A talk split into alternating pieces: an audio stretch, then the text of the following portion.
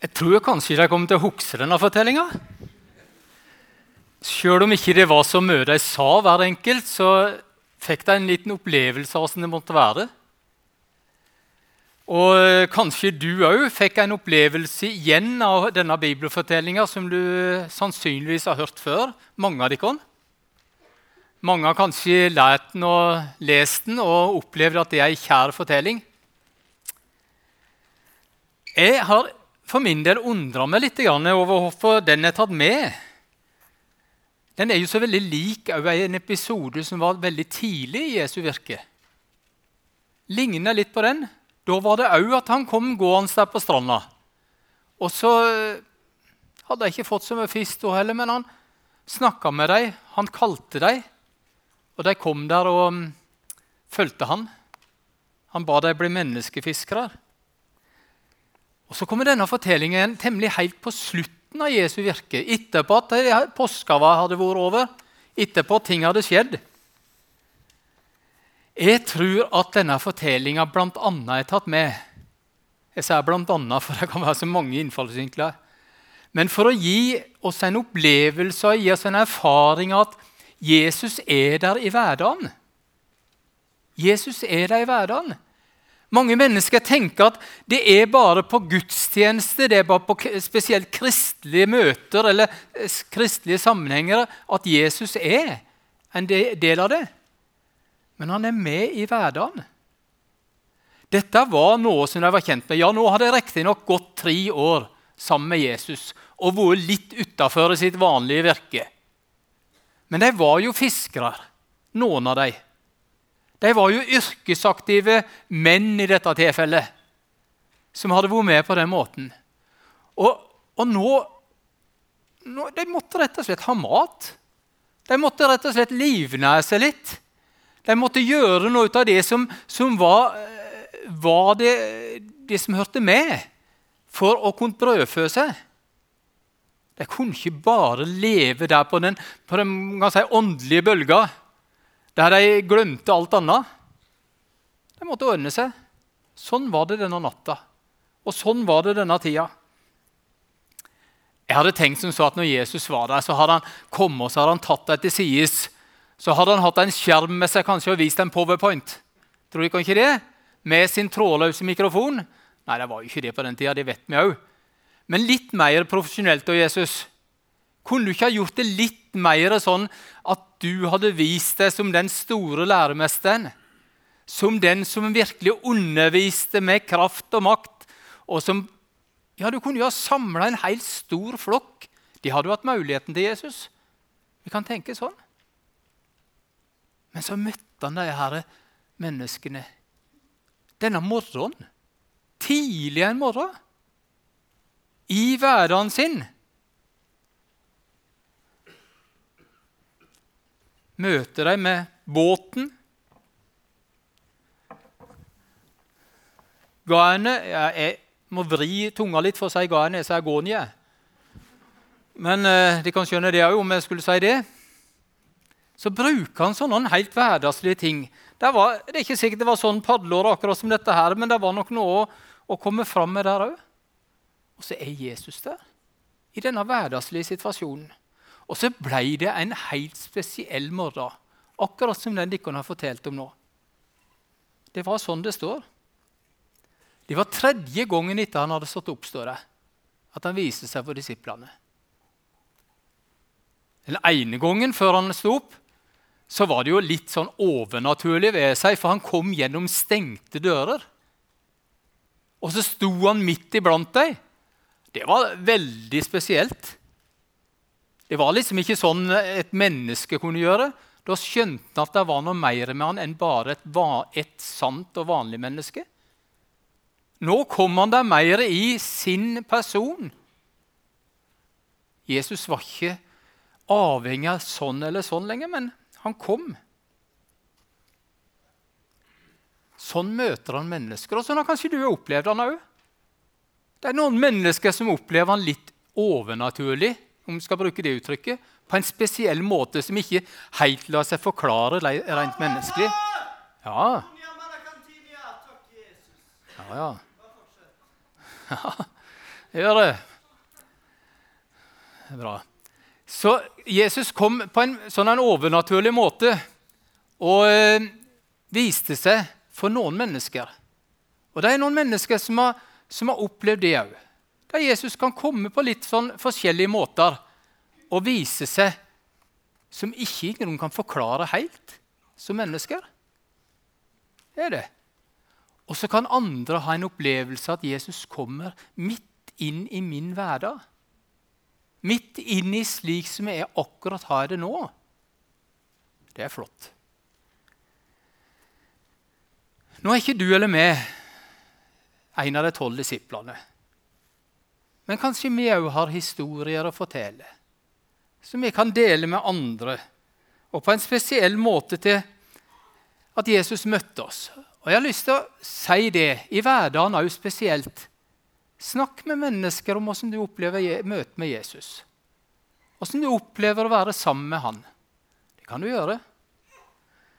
Muligens så har du noen opplevelser som ligger kort tid tilbake. Andre kan ha opplevelser som ligger lang tid tilbake. Eller noen kan ha opplevelser at bare det har gått over tid. Og så kan se at Jesus var der. At Jesus var der med oss. På ditt ord, hørte vi det ble sagt her ut av Peter. På ditt ord, Herre, så legger vi ut. Det var jo så meningsløst på en måte at det skulle hjelpe å legge hive Gonia ut på den andre sida av båten, som Jesus ba dem om. Men de gjorde det. Av og til kan vi oppleve at det er meningsløst, men Gud er der. Da søndagen kom, sto Jesus der, kunne vi kanskje ha sagt. Ja, for han gjør det i dag òg. Denne søndagen. Denne fortellinga vi har snakka om nå, den er lang tid tilbake. 2000 år ca. Men òg i dag så kommer Jesus til oss. Og så kan han gjøre det òg slik som han gjorde denne morgenen med Tiberiasjøen. Han kan bruke det vi har. Derfor sitter vi her jeg vil si, veldig forskjellige. Når jeg bare ser på dem, så ser jeg forskjellen, så ser jeg et mangfold av mennesker. Flotte alle sammen. Fantastiske gudsskapte alle. Men allikevel så forskjellige. Noen i godt voksen alder, andre yngre. Noen med langt hår, noen med kort hår. Ja, så, Sånne ytre ting òg er vi forskjellige. Og så vet jeg at vi sitter her med forskjellige livserfaringer som vi bærer med oss inni oss. Så ønsker Jesus å møte oss òg sånn som han gjorde med de disiplene. Da søndagen kom,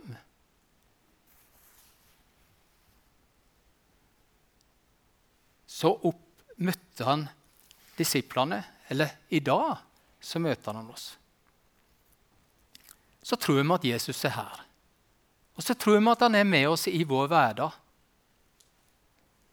Med mine livserfaringer. Noe som jeg lurer på med denne fortellinga som de fortalte om nå, det ble sagt ut av Miriam Nolas her at de fikk 153 fisk. Hvorfor er det tatt med i Bibelen? Hvorfor står i dette her avsnittet med Lasum, hvorfor står det om fisk og ordet om fisk åtte-ti ganger? Ja. Jeg vet ikke, men jeg føler at det gir en troverdighet til at dette er en fortelling som ikke bare er dikta opp, som ikke bare er funnet på, men som er skrevet ned ut av de tidsvitnene som var. Ut av de menneskene som opplevde det og fortalte det videre.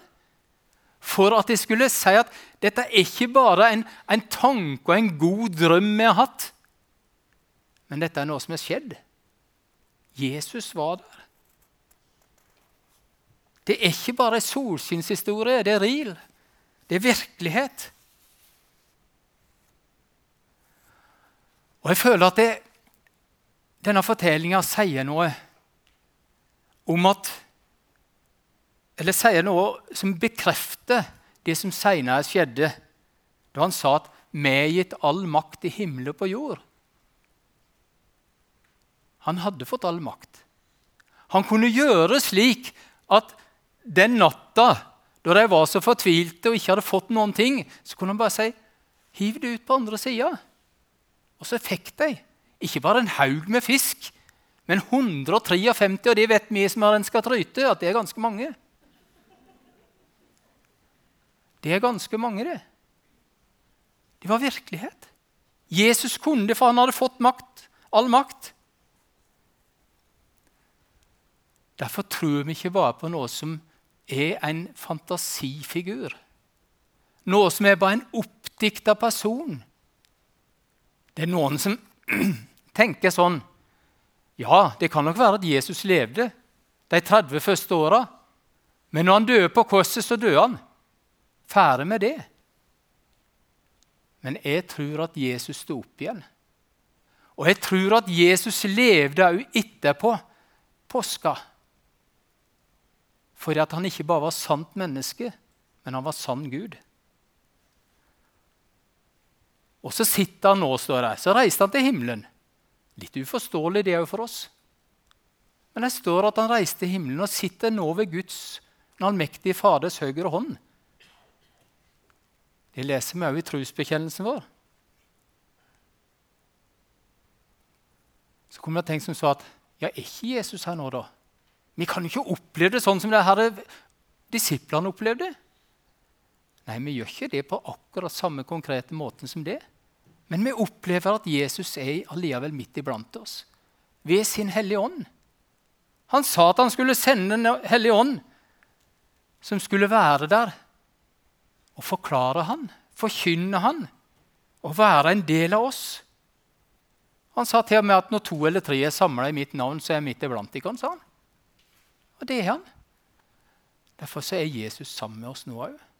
Derfor er Jesus her for å å møte oss sånn som han møtte disiplene. Jeg har tenkt som så, og jeg ser for meg det når jeg har sagt det litt lignende før òg, tror jeg, at jeg kunne ha tenkt som så at når Jesus kom der denne morgenen og sa at han kunne ha sagt 'så lite tru de kan ha'. Det var det en gang tidligere han hadde sagt. Men denne gangen òg, når ikke de liksom nesten trodde på at det hjalp å hive ut gården på andre sida. Han kunne ha refsa dem litt. Han kunne ha stått der og 'Nå må dere jamme. Nå har vi gått sammen i tre år. Dere må vel vite bedre?' Og så er det ikke sånn han står. Han sto sånn som det ble vist her i stad av Vasi.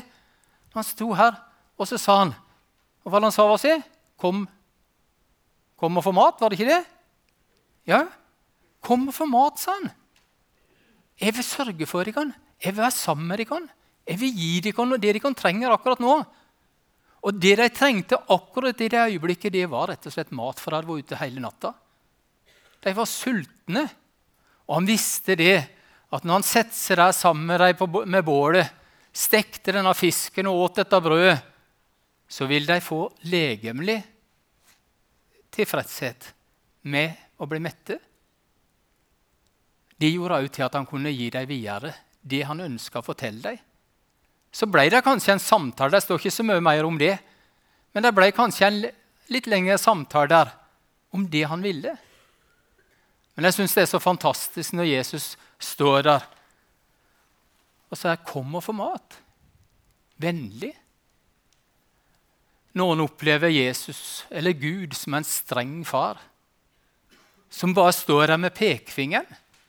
Som bare står der og sier at 'du, Vær forsiktig, du, du som gjør det, og du som tenker sånn.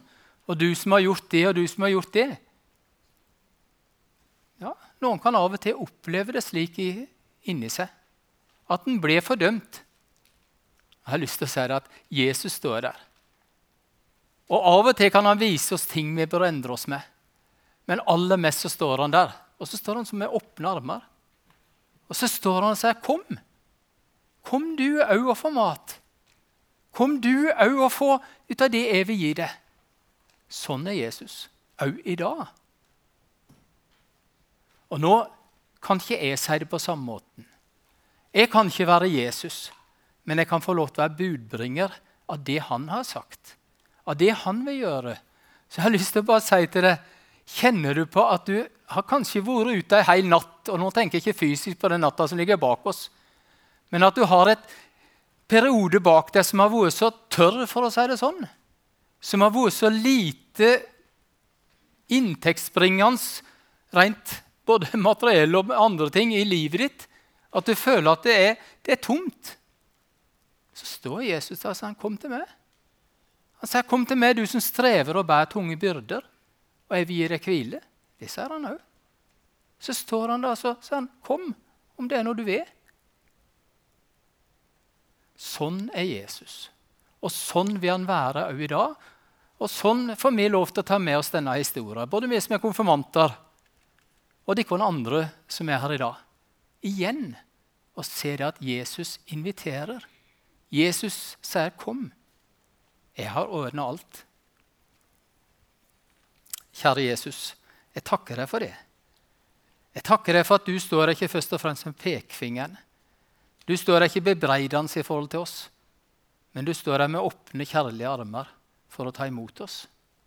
Takk for det, Jesus. Amen.